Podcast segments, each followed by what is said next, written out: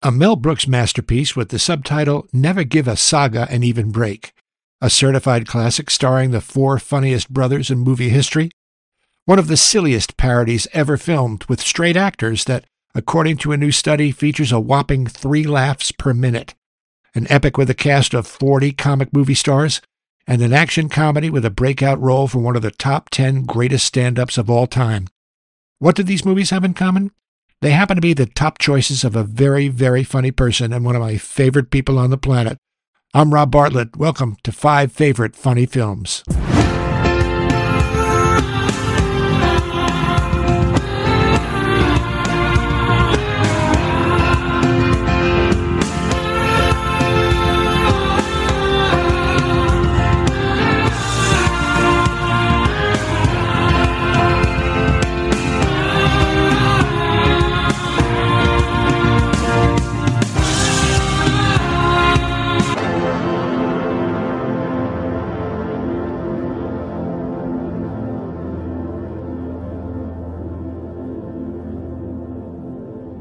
Welcome to Five Favorite Funny Films.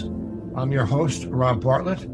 My guest, our very first guest, has been a comedian for over 30 years, been on The Sopranos and Sex in the City. For a long time, he was the warm up comic for the Dr. Oz show. And he also has his own podcast called Drinks, Jokes, and Storytelling with another comic whose name escapes me at the moment. Um, Good. Would you please welcome my dear friend, uh, very funny man, Mr. Richie Byrne. First guest. I'm flattered. When you hear comedy movies, you think Richie Byrne. Of course, absolutely. There, there's a select group of comedians who are also actors, and mm. you are definitely one of them. So you and I are even in a another group of comedians who can do musical theater, which is very small. Well, I've never heard you sing, and I'd like to keep it that way if humanly possible so the, the, the idea is uh, your house is on fire and you have your treasured DVD collection and you can only save five of them as you leave the premises. Mm-hmm. Which five would you pick? And they mm-hmm. have to be your favorites. They don't necessarily have to be the best. I know AFI is like a, a list of the 100 best comedy films. I know that there's another one that's 600 what I find so interesting about this is that it's really difficult, especially for funny people, to pick only five. But the fact that they are your favorites is the mm-hmm. most important thing. You have picked five. Can we talk about a couple before of that? Like I should have put on, but I couldn't. Yeah, yeah. Why don't we do that? Yeah, why don't we? You know, Holy Grail, Monty yeah. Python. We are now no longer the knights who say "ni." We are now the knights who say Therefore, we must give you a test. What is this test, O knights of knights who till recently said ni? Firstly, you must find another shrubbery. then, when you have found the shrubbery, you must cut down the mightiest tree in the forest with a herring. Doctor Strangelove. Oh my God. Classic. Classic. you know, Pink Panther. I, I, I, mean, how do you, how do I not have Peter Sellers any Peter Sellers movies on this? Yeah, yeah. It's it's tough to pick the which Pink Panther is the best. You know, yeah.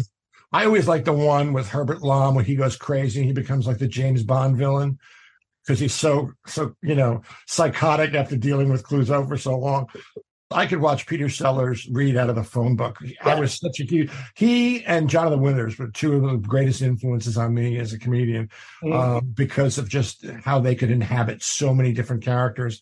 Mm-hmm. Peter Sellers was in a movie called The Party. I don't know if you can even find it now because it's so wow. politically incorrect. He plays um, a Hindu extra on a film set and really gets, gets invited by mistake to uh, a Hollywood party, and um, Claudine Longet is in it. She plays the the really? But the movie opens with him on the set. He's playing Gunga Din in a remake of Gunga Din, and you know he plays the bugle and gets shot and falls down out of, out of frame, and then you see the hand, and he pulls himself up and he, and blows the bugle, got another shot and goes down.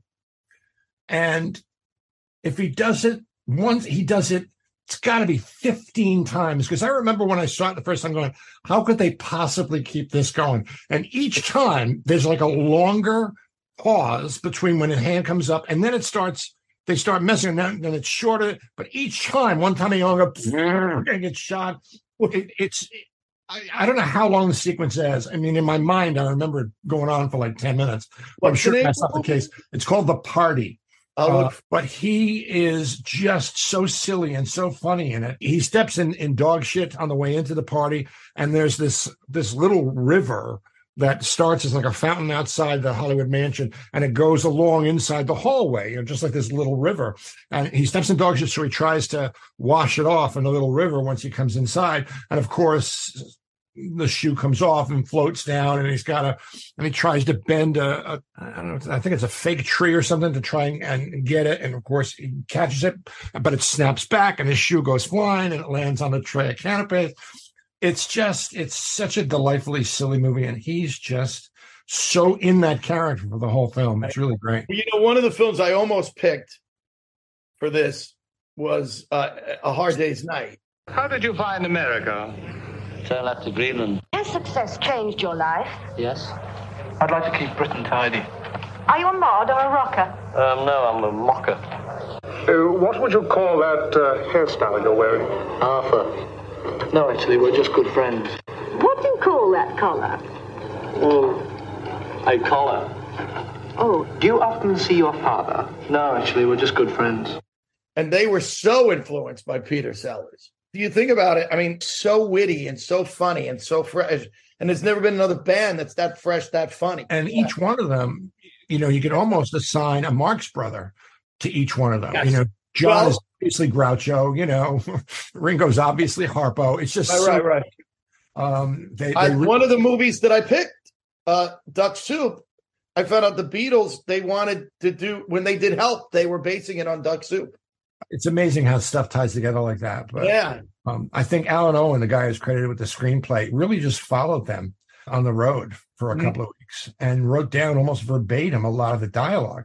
If you see, I think it's the, the Beatles come to America. There's, there's, there's a documentary about when they did the DC concert, which is right after they did Sullivan and the Carnegie Hall. They went down to DC, but they took a train trip from from New York to DC, and they shoot. You know, they're shooting a documentary, and it could have been out of a hard day's night, and they wouldn't shoot a hard day's night for another couple of months. But it's just so Yeah. so interesting to see how it all it all turned out with them. You know, That was the that was the concert where they kept moving the stage and Ringo Yes, it was. Uh, Ringo was on the, the the turntable, and it got jammed because that was the concert they were throwing the jelly beans at them, Oh, that's right, the Jelly Babies. Yeah, and the jelly beans got stuck in the wheels, and so they couldn't. I mean, it's like George and Paul trying to pull Ringo around. yeah, they're actually literally moving it themselves. what, what else should you have picked that you didn't? You know what I almost wanted to pick? What you know what I'm regretting? And but there really isn't a movie I could think of, even though he was great with Gene Wilder in in uh, Stir Crazy, was that I didn't pick a Pryor movie, a Richard Pryor movie, because I love Uh-huh. Pryor the comic. Mhm. There, uh, but he really didn't have a movie with all the movies that he made that you go, oh my god, this is just genius comedy, different. You know? Well, if, And- if if you're gonna go stand up movies, obviously the, the first Pryor uh, stand up movie, which I saw him on that tour at City Center.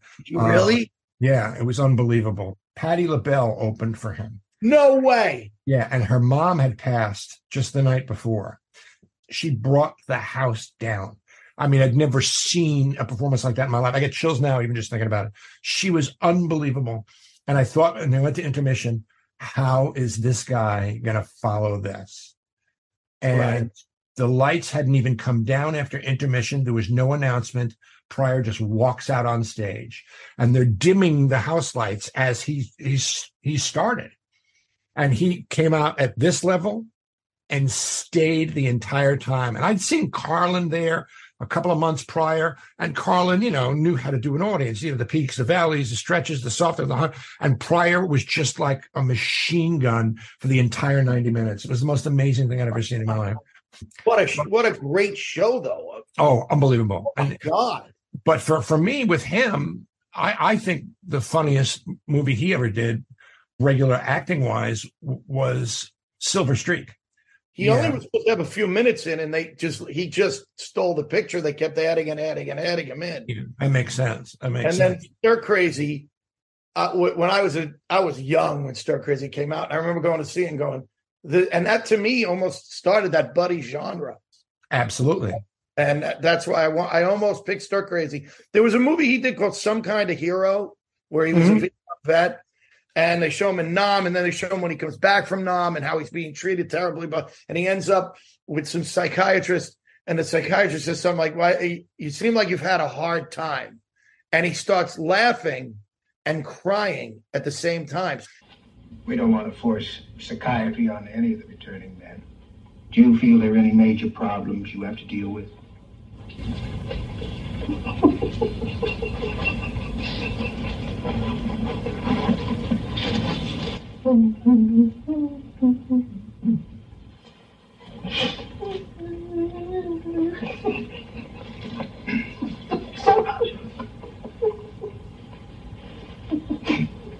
And, and he even, I remember seeing him on the Tonight Show, and they showed that scene, and Carson said that I don't know many people that can cry and laugh and bring out that kind of. And he was like, surprised, like, yeah, you know, you're like, my God. But Pryor did make my list in a way because I chose Blazing Saddles. Well, I was going to say that was going to be the Yeah. segue into one of the movies you picked. I didn't think Blazing of that. Saddles. Yeah. He, um, and I don't know if he wrote the. I don't think he wrote the original screenplay, which was Black Bart, right? No, that was that was Brooks and somebody else, but they brought him in because they needed a black guy to write on on the movie. But not only that, that he was supposed to have played the sheriff. Sheriff, yeah, and But uh, the studio would not take a chance on him. I saw Blazing Saddles at Radio City a couple of years ago. Mel Brooks played Blazing Saddles and then came out and and spoke about the movie and got interviewed on stage. And it was so interesting to see a movie like that that everybody knows practically by heart. And you mm-hmm. hear the laughs starting before the scenes even began because everyone knew it was coming. But it was it's just an interesting phenomenon. It was he could never ever make that movie today. So he feels that way, huh? I've always wondered what he felt about that.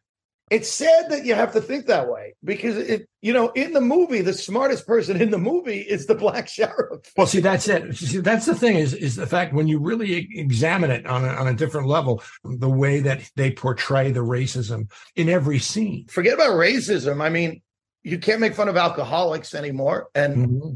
Gene Wilder, Well, my name is Jim, but most people call me Jim. Okay, Jim.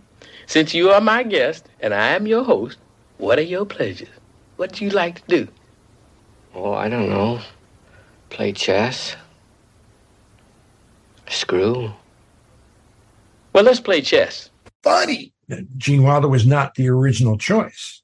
Gig Young. Gig Young was, but Gig Young was a certified alcoholic and and actually almost died of alcohol poisoning on the set. And and then he, he went he got Gene Wilder. I don't know if produced Gig Young would have worked anyway because he was such, he was more of a serious Right. Western actor. As much as I love Richard Pryor, uh, Cleavon Little, no one could have played that No, part. it has so much heart. Even as crazy as some of the scenes are, it becomes very meta at the end where they they actually escape the set to go see the movie that they're Dom in. DeLuise. All that Dom stuff. DeLuise. Oh, Couldn't get away with what Dom DeLuise did today. right. either. Hands on your knees, stick out your toes, give him a push. Um, That's like steam escaping. Do you know what I only found out recently? The woman who played uh the one who speaks low when she we the Godfather. that's his wife. That's, That's his Dolly's wife. Yeah, I didn't know that. Yeah. Yeah. I did a, re- a couple of readings of Honeymoon in Vegas, the musical, which and the book was for the musical was also written by Andrew Bergman, who was one of the writers on Blazing Saddles, as you know. He also also wrote what I think is one of the single funniest movies ever made, The In-Laws, the original with Alan Arkin and, It's so I oh my god. and I was talking t- to to Andrew about Blazing Saddles. He said one day Pryor didn't show up to the writers' room. He said in the writers' room, he says, I got to tell you, you know when people say we were on the floor laughing? He said, literally, there were times when they would be on the floor laughing. They would collapse laughing at how funny that this thing was coming out. One day Pryor doesn't show up, and he doesn't show up for a couple weeks. Nobody can find him. And then one day, the door to the bungalow opens, and in comes Pryor, dressed in a French maid's outfit, and he cleans all the ashtrays, empties all the ashtrays, and leaves. And then comes back the next day as himself to continue writing. Uh, it could be apocryphal, but if, if even if it is, it's still a great story. Yeah, yeah. Wow. That's a fu- funny man, Andrew Rubin. Funny, funny man. But yeah, Blazing Saddles has got such heart. that's really what this was. It's like, hey, this is wrong. What they're doing to these people is wrong. What they're doing to these workers is wrong. The way that they turn everything on its head, they launch into this scat version of uh, "I get a kick out of you." You know, it's Even that it works because Cleavon Little could sing. well, that's true. That Sure. seems to have been there if Richard Pryor, unless they dubbed in his voice or something. But it works so well. And then when the, all the white guys do the Camptown ladies, Right. this song, Doodar, doodar. And then when when Bart is riding to the town and he's replete in his his singing cowboy outfit, passes by Count Yeah. Basie and the whole Yeah. orchestra. I mean, it's it's just such great, so many great scenes. even the, when they saved the the wagon and s- they're in the quicksand. I mean, just that. Oh, you're like, oh my god, With this- Rodney Allen Rippy was the kid, that's right, that's Rodney right. Allen Rodney Rippy. Rippy was the, was was him young and and Mel Brooks playing the the Mel chief. played the Indian. Scotsers, they're darker than we are. Kappa great- walk. That's Yeah, my Kappa walk, Kappa walk. He's a Jewish Indian. That's a sign of a really funny movie when you laugh just talking about it. You know, Mel Brooks, at, at face value, if you're going to read some of the screenplays, you would think this is the lamest shit I've ever read in my life. It comes off really cringy lame, right? Mhm. Like some of History of the World Part Two. And there's a handful of people in that who knew how to do Mel Brooks, how to perform Mel Brooks. And everyone who doesn't, it just, it's so lame. But when you take Madeline Kahn and Gene Wilder and Kenneth Mars and these people, you know, people who know how to do Mel Brooks, it's genius. I mean, Madeline Kahn, I, I defy you to find a funnier woman on screen than her. I agree. What was the movie, the Barbra Streisand movie with Ryan O'Neal? What's up, Doc? Probably the same. Right, yeah, yeah. I, I think it was after Paper Moon, and I wouldn't be surprised if Brian O'Neal recommended her after Paper Moon. Oh, that's right. Which I, which is a very funny movie, and so is What's Up, Doc. Ryan O'Neal was a very funny guy. You know, Uh, In the 1970s, to do a screwball comedy was unheard of. yeah, you're right. He and he did a few of them, and he was great. The three Mel Brooks, to me, are the producers, Blazing Saddles, and Young Frankenstein. Those are the three. And Young Frankenstein is nearly a perfect movie. Right. Just Blazing Saddles gets the edge because it's about something more. Uh, the scene where is it true what they say about your people being gifted, Sheriff? Apparently, there was a line that they shot that the studio made him take out, which was, uh, "Ma'am, you, you're sucking on my arm." Kris Kristofferson, they did a thing for Pryor before he died, and Kris Kristofferson said that Pryor wrote that line. I saw a Mel Brooks interview where he he said that he had it. He knew he was going to have to deal with studios were coming in every to watch the dailies, and they're going, Mhm. "You can't do that. You can't do that." So he he made scenes really bad. Uh, He knew the studio would go, "You can't do that," and they go, "All right, but then you got to give me this." And really, what he wanted was this Right. He said he couldn't believe how many times the scenes that he was thought were too over the edge. They were like, "No, that's fine." He's like, what even the fart scene. The idea that these guys are sitting out there, like and he said, he goes, "I'd watch the westerns and go, they're all eating beans and sitting around." And so he's putting, let's just do this. Let's go for it. Classic. I saw a, an outtake of uh, I forget where Peter Sellers was in a movie where I don't even remember the movie, but he, it had to be one of the Pink Panthers where he gets on an elevator and somebody farts, and they're all like supposed to react like, "What the hell was that?" When they went to shoot it, Peter Sellers kept laughing. he couldn't stop laughing, and so the director started going, "All right, I'm going to count to three. When I get to three, you've heard the fart. And you go one, two, three, and Peter Sellers is laughing. So now the director thought it would help if he made a fart sound. You got to find it on YouTube or something. It's just, and you think this is a comic genius, and yet the idea of farting on an elevator is still one of the funniest things you can do in comedy. So yeah, Blazing Saddles to me because of everything that it represents, and you think about this, what a great musical that would be because you'd have the country and western feel, the black feel. There's just mm-hmm. so much you could go with with music genres, you know, in one in one musical. I you think the reason why the producers worked as a musical was they kind of reworked it to fit the Broadway stage, like changing the the whole thing about you know, Dick Shawn playing LSD, playing Hitler, but making the director as Hitler and just kind of switching it around so it was more about the sh- the, the play itself, kind of. Yeah. I think one of the reasons why Young Frankenstein the musical didn't work as well, everyone compared it, you know, and because the producers, aside from the fact that it was Matthew and Nathan, it was just one of the greatest pairings since Gene Mhm. Wilder and Zero Mostel. Yeah, So God bless Nathan Lane, because who would ever want to play a part that Zero Mostel did? And know, made it his own and Yeah. made it his own. I couldn't do this with you and not pick a Marx Brothers film. So that's Mhm. and, and, like we could sit here and talk about five Marx Brothers films. Well, that's the thing. Which one do you pick? It's like you can't even pick five Marx Brothers films. Yeah, Because there's No, just so many can't. great ones, you know. And I didn't realize that Duck Soup was not really didn't do well in the box office. It was, and it was like panned by the critics. And as the years went on, it became, oh my god, this thing's brilliant. You, the idea that they're fighting over a stupid little country, but it, it it's relevant now. I know, It- I know. It's That's- that's relevant right now. It's a hundred years later, and here it is. It's no different. I, I No think that that's one of the reasons why it didn't do as well critically was because it's about something. It's a political satire. It's genius at the stuff that it does, but it puts the Marx Brothers formula. That's that's where they were at their best when they were thumbing their nose at authority. And the thing about Groucho for me, he was doing stand up in film. I mean, he would just stand in front of the camera and look at the audience, do an act, you know. Yeah. And Yeah. this morning I shot a, an elephant in my pajamas. How he got my pajamas, I'll never know. Like just yeah, and you and he's just staring at the camera with no laughs. There's nobody laughing, and he's just killing it, killing it. I think because they had had such a great uh, history in vaudeville. Animal Crackers was a show they did on Broadway. they used to time audience laughter. And so when they went in to do the film, they would wait that many seconds and then Mm. move on to the next joke. They just Genius. wait. Genius. That's amazing. Mhm. Yeah, and I, my favorite thing about the Marx Brothers is that Margaret Dumont didn't Oh. even get it. As chairwoman of the reception committee, I welcome you with open arms. Is that so? How late do you stay open? I've sponsored your appointment because I feel you are the most able statesman in all Fredonia. Well, that covers a lot of ground. Say, you cover a lot of ground yourself. You better beat it. I hear they're going to tear you down and put up an office building where you're standing. You can leave in a taxi. If you can't get a taxi, you can leave in a huff. If that's too soon, you can leave in a minute and a half. You know you haven't stopped talking since I came here? You must have been vaccinated with a phonograph needle. The mirror scene is in that ah. movie. Ugh. So, you know, which is just iconic. It also was Zeppo's last movie, Duck Soup. Oh, I didn't know that.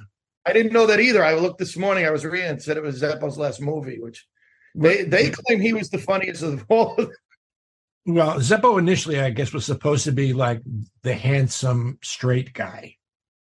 But then when they started using Tony Martin and, and those those guys, it was like yeah, they didn't. Zeppo was superfluous. He didn't really need him. They switched studios after that movie, uh, and It's before they went to MGM, right? I think it might have been that. I think Yeah. when they moved, I don't know that he really cared about. I, I don't know whether he had a problem or Right. whatever. I, yeah, I I should look that up. I do know. I read Groucho's book, and he he claimed that Zeppo was the funniest of all of them, Wow. and he said he could not translate it in front of a camera at all. Couldn't do it. Like like it's like he's like the Joey Kola of that era. He, You're gonna have to explain that reference now to people who aren't familiar. Kola's one of the funniest people ever. You put in front of a camera, you're like, oh my god. is so- you ever watch Kola like like a Letterman? You're like, you got to watch it like this. But he is also the sweetest, loveliest, most down to earth guy on the planet. And that warmth, he oh, uses it when he warms up. When he warmed up people for Rachael Ray, and he, I owe him everything. He got me the Doctor House job. You know, oh, I didn't know that. For what Joey recommended me, and that was it. And I mean, obviously, if Oz didn't like me, it wouldn't have worked. That- Right? Who wouldn't like you, Richie Byrne? We'll talk later. So it's a mad, mad, mad, mad world. which it came out the year I was born, but I remember seeing it when I was about 10 and I and I didn't even realize who all these performers were. As I got older, I started to realize, oh my God, everybody's in this movie.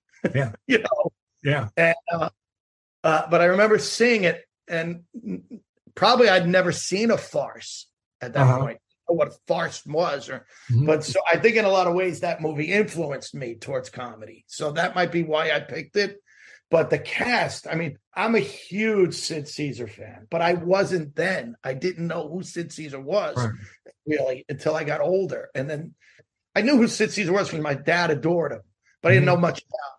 And a friend of mine had a video called 10 Best from Your Show of Shows. And it was 10 And from your show shows, yeah, it was a theatrical film. Yeah, this is the greatest thing I've ever seen in my life, you know. And I Well, because that that writer's room for that show was ridiculous. was Right. it was it was Mel Brooks and it was Neil Simon and his brother. Oh. Imagine that room. That show inspired so many other things. It inspired the movie My Favorite Year. And then Neil Simon wrote Laughter on the 23rd Floor, which is also about the same thing, essentially. You see them in interviews, the writers, they were awestruck by his talent. It's a mad, mad, mad, mad world. In the middle of all of this, crazy, it was just off the wall, crazy, wacky people, but is one of the greatest American actors of all time. Spencer Tracy is just playing this like sir, and then at the end, this, at the end when they're all in the hospital and they're all in casts and stuff, and Ethel Merman slips on the banana peel, and they all start laughing so hard that they're The way they set it up at the very, very beginning when Jimmy Durante literally kicks the bucket. Please say it don't make any difference, Aunt Belle. Please. You gotta say. You gotta tell me it don't make any difference. For heaven's sake, tell him. It it don't make any difference.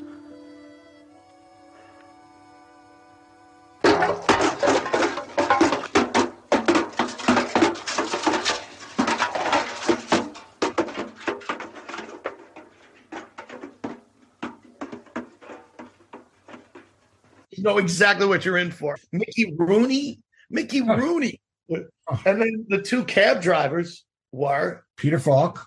and Rochester. Oh, Eddie that's right. Just the cameos alone. Buster Right. Keaton uh, got the part that Stan Laurel was going to get, but Stan Laurel Right. turned it down because he had vowed when Ollie died he would never do another movie without Ollie. You know, his story was so tragic. He died alone in an apartment after being taken to the cleaners by I don't know how many ex-wives. But Dick Cavett, Dick told me that Dick Cavett actually visited him at his apartment and and and like had tea with him and you know spent an afternoon with Stan Laurel and then how uh wow yeah really great See that movie that was out a few years ago, Stan. and Ollie? yes not bad I thought it was pretty good. And I was thought it impressed with the both of them the, the, the Yeah. Yeah. Yeah, they were both really good. Um, but I didn't realize that they had a problem. At the, I didn't know that, you know, he was mad because Oliver Hardy was trying to do movies without him. And most comedy duos most comedy teams don't end well you know Abbott and Costello didn't end well Martin and Lewis didn't end well and it's funny, I wanted to put one of those on the list. I wanted to put either because I, I mean, Abbott and Costello were on, and I and I loved Martin and Lewis. I just thought Martin and Oh. Lewis. My I go on YouTube at night and watch old shows of them on, you know, whatever Cavalcade of Stars or whatever. Yeah. they're just so phenomenal together. you, you can go down a rabbit hole for hours and Oh. hours and hours with hours, dude, for hours. ever- I went down a rabbit hole once where I started with Martin Lewis and ended up with Louis Prima, and just couldn't. yeah, yeah, I'd like to track that arc it was really strange. I got the Louis Prima. You were you were talking about airplane and how how the idea of using straight actors. And, and i think the reason why and airplane is one of your picks is one of your five. The reason why is that they are directed not to be funny. They're directed to really just do what they used to do in those kinds of movies. I mean, Leslie Nielsen and Robert Stack and Lloyd Bridges and all these guys were doing what they would normally do in those kinds of movies. Right, right, and even uh, Peter Graves, yes, he didn't want to do the scene with the little boy. You ever been in a cockpit before? No, sir, I've never been up in a plane before. You ever seen a grown man naked? Do you want me to check the weather, Clarence? No, why don't you take care of it? Joey, you ever hang around the gymnasium? You like movies about gladiators?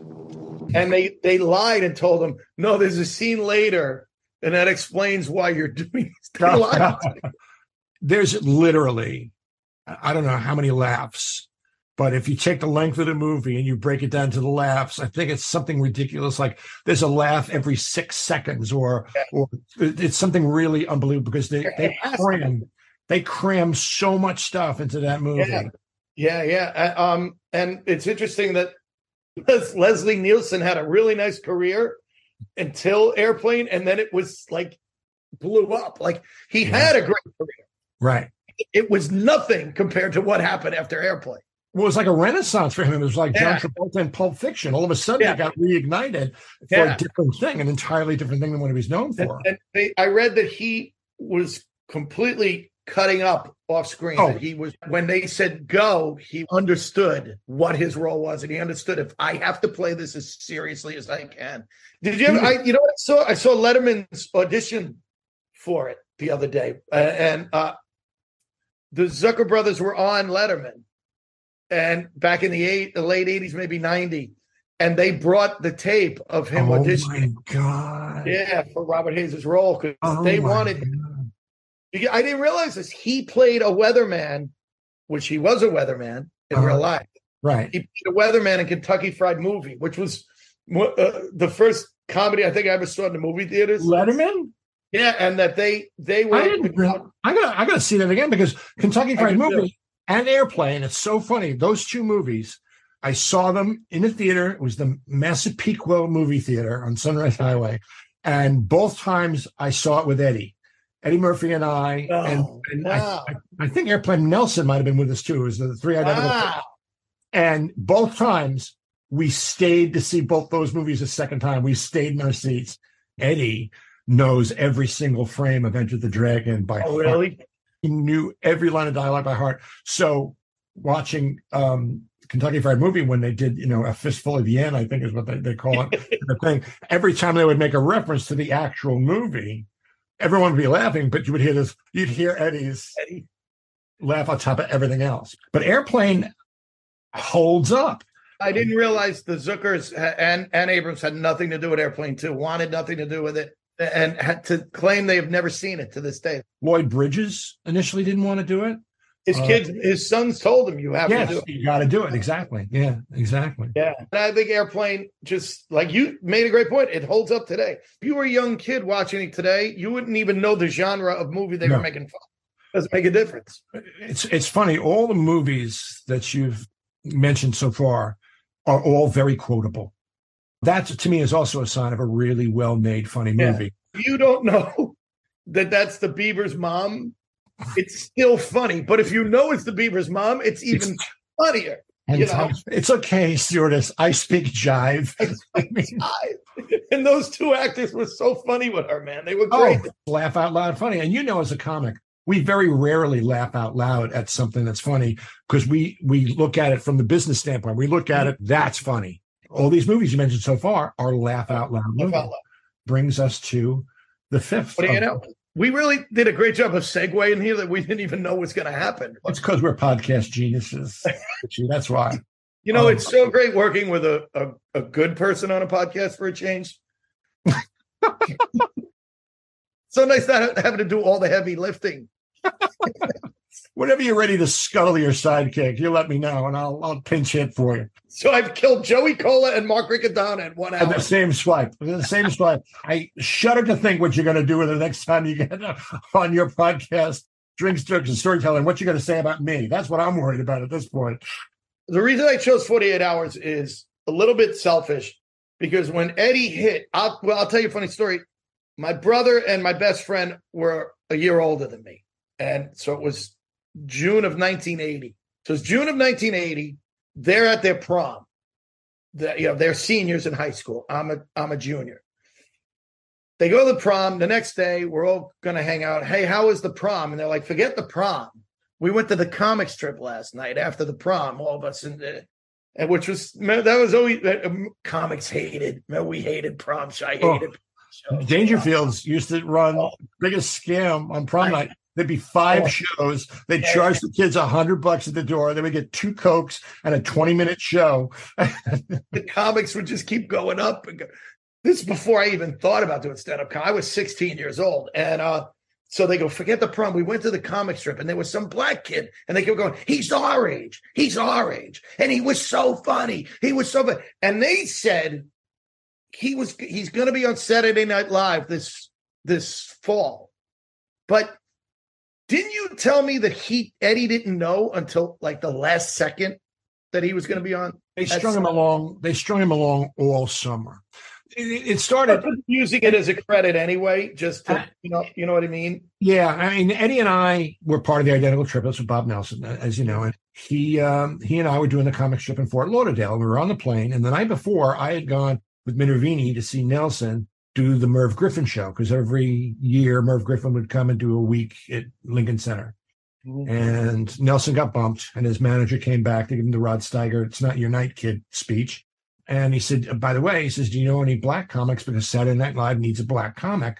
You know, the guy that they had hired, a brilliant street performer by the name of Charlie Barnett, Barnett um, was read. illiterate. He couldn't read. Yeah. And so Bob turns to me and says, don't you dare tell Eddie. You know, because Eddie believed that he was going to be the Beatles of comedy from the time he was 14 years old.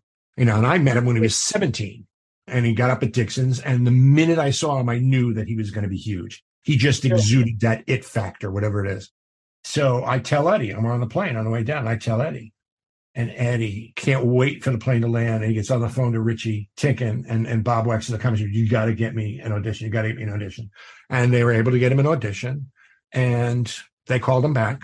And they called him back. And then they had him meet with the writers. They strung him along. And he he'd come over to my house and he'd sit at the kitchen table with my mom and he'd t- tell my mother and my mother would be if it's meant to be it's meant to be you know my mother would give him a case or us or a story and um, he got it but when he got it they only made him a featured player they didn't he wasn't right. I remember that it wasn't um it was Jean Doumanian and then yeah. the next year and she based everything around Charles Rocket right and then they kicked her out and they moved in um, Ebersol. Dick Ebersol, yeah yeah and Eddie got me you know a writer's audition the following year, once he became a primetime player and became huge, he wanted his own personal writer. And I was going to be Eddie's writer. And so I came in with a bunch of audition material and I met with Ebersol and uh, he was very dismissive of the material. He would, yeah, and turned me down, you know, much to Eddie's chagrin. But uh, so this is the summer of 80. Right. When Saturday Night Live started that year, you really didn't see this guy. And as time went on in that season, all of a sudden bang, this 19, 20 year old kid just blew up. I don't know why, but because he was around our age, that meant a lot to us. Then he got 48 hours. The intro to Eddie's character might be the greatest intro in a movie for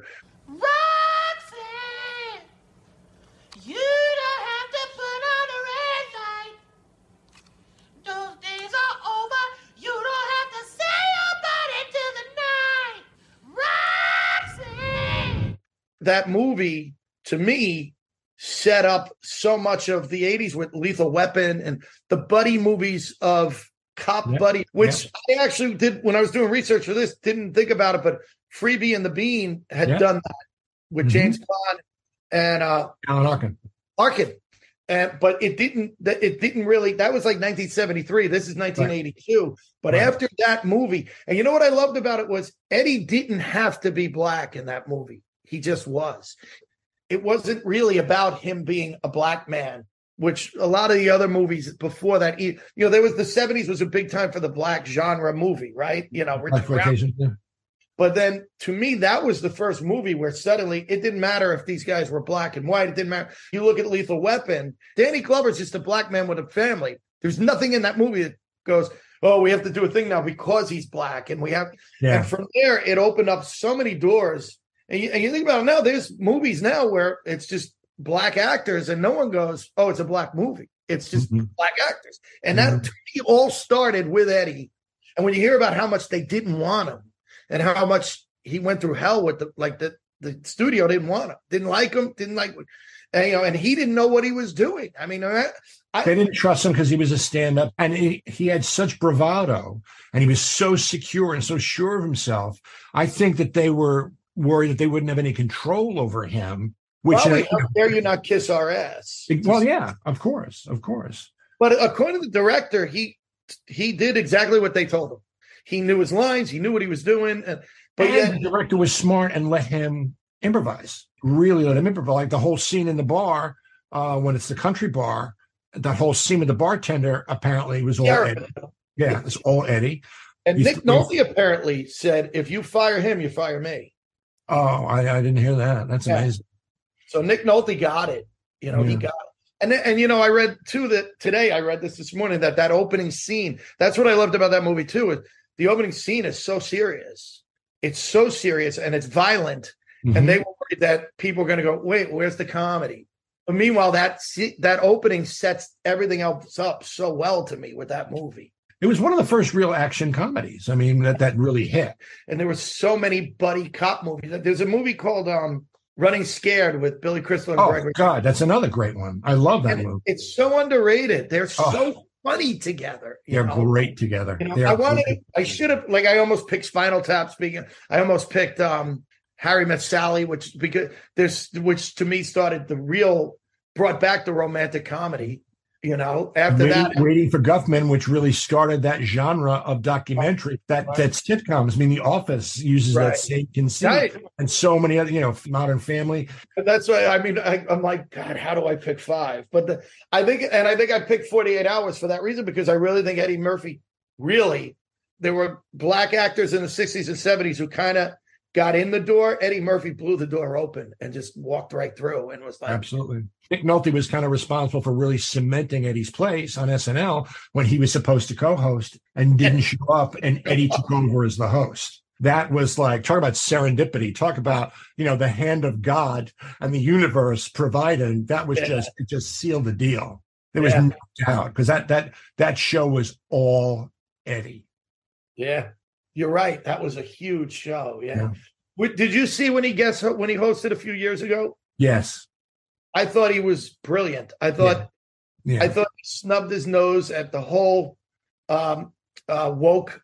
I thought it was brilliant to watch, you know. And I thought the opening with the other comics with Chappelle, Yeah. and, and I'm not a fan anymore of SNL. I don't, I don't like it at all. And I know it's not from my generation. I get it, but Every once in a while, there's a decent one. It depends on who's the host and if the host adds to the writing. When the host is not a writer and doesn't have any input, I notice those aren't like Jason Momoa was on this past Saturday, and I don't think he Yeah. had anything to do with any of the writing. And it was really flat, and there was maybe one or two laughs, mostly in in, in update. But I think the the week prior, uh, Nate Bargatze, is that how you pronounce his name? It was really one of the funnier ones in a long time. I heard that. Yeah, didn't he Yeah. used to write for SNL? Nate, he may have. He may Yeah. have.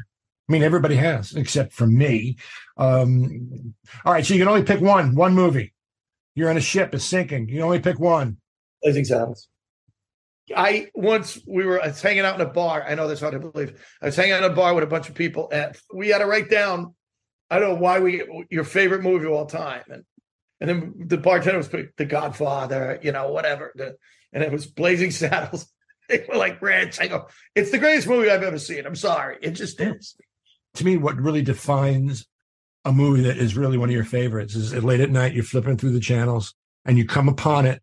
And even if it's on network television, there's going to be commercials. You're in. You're into the end.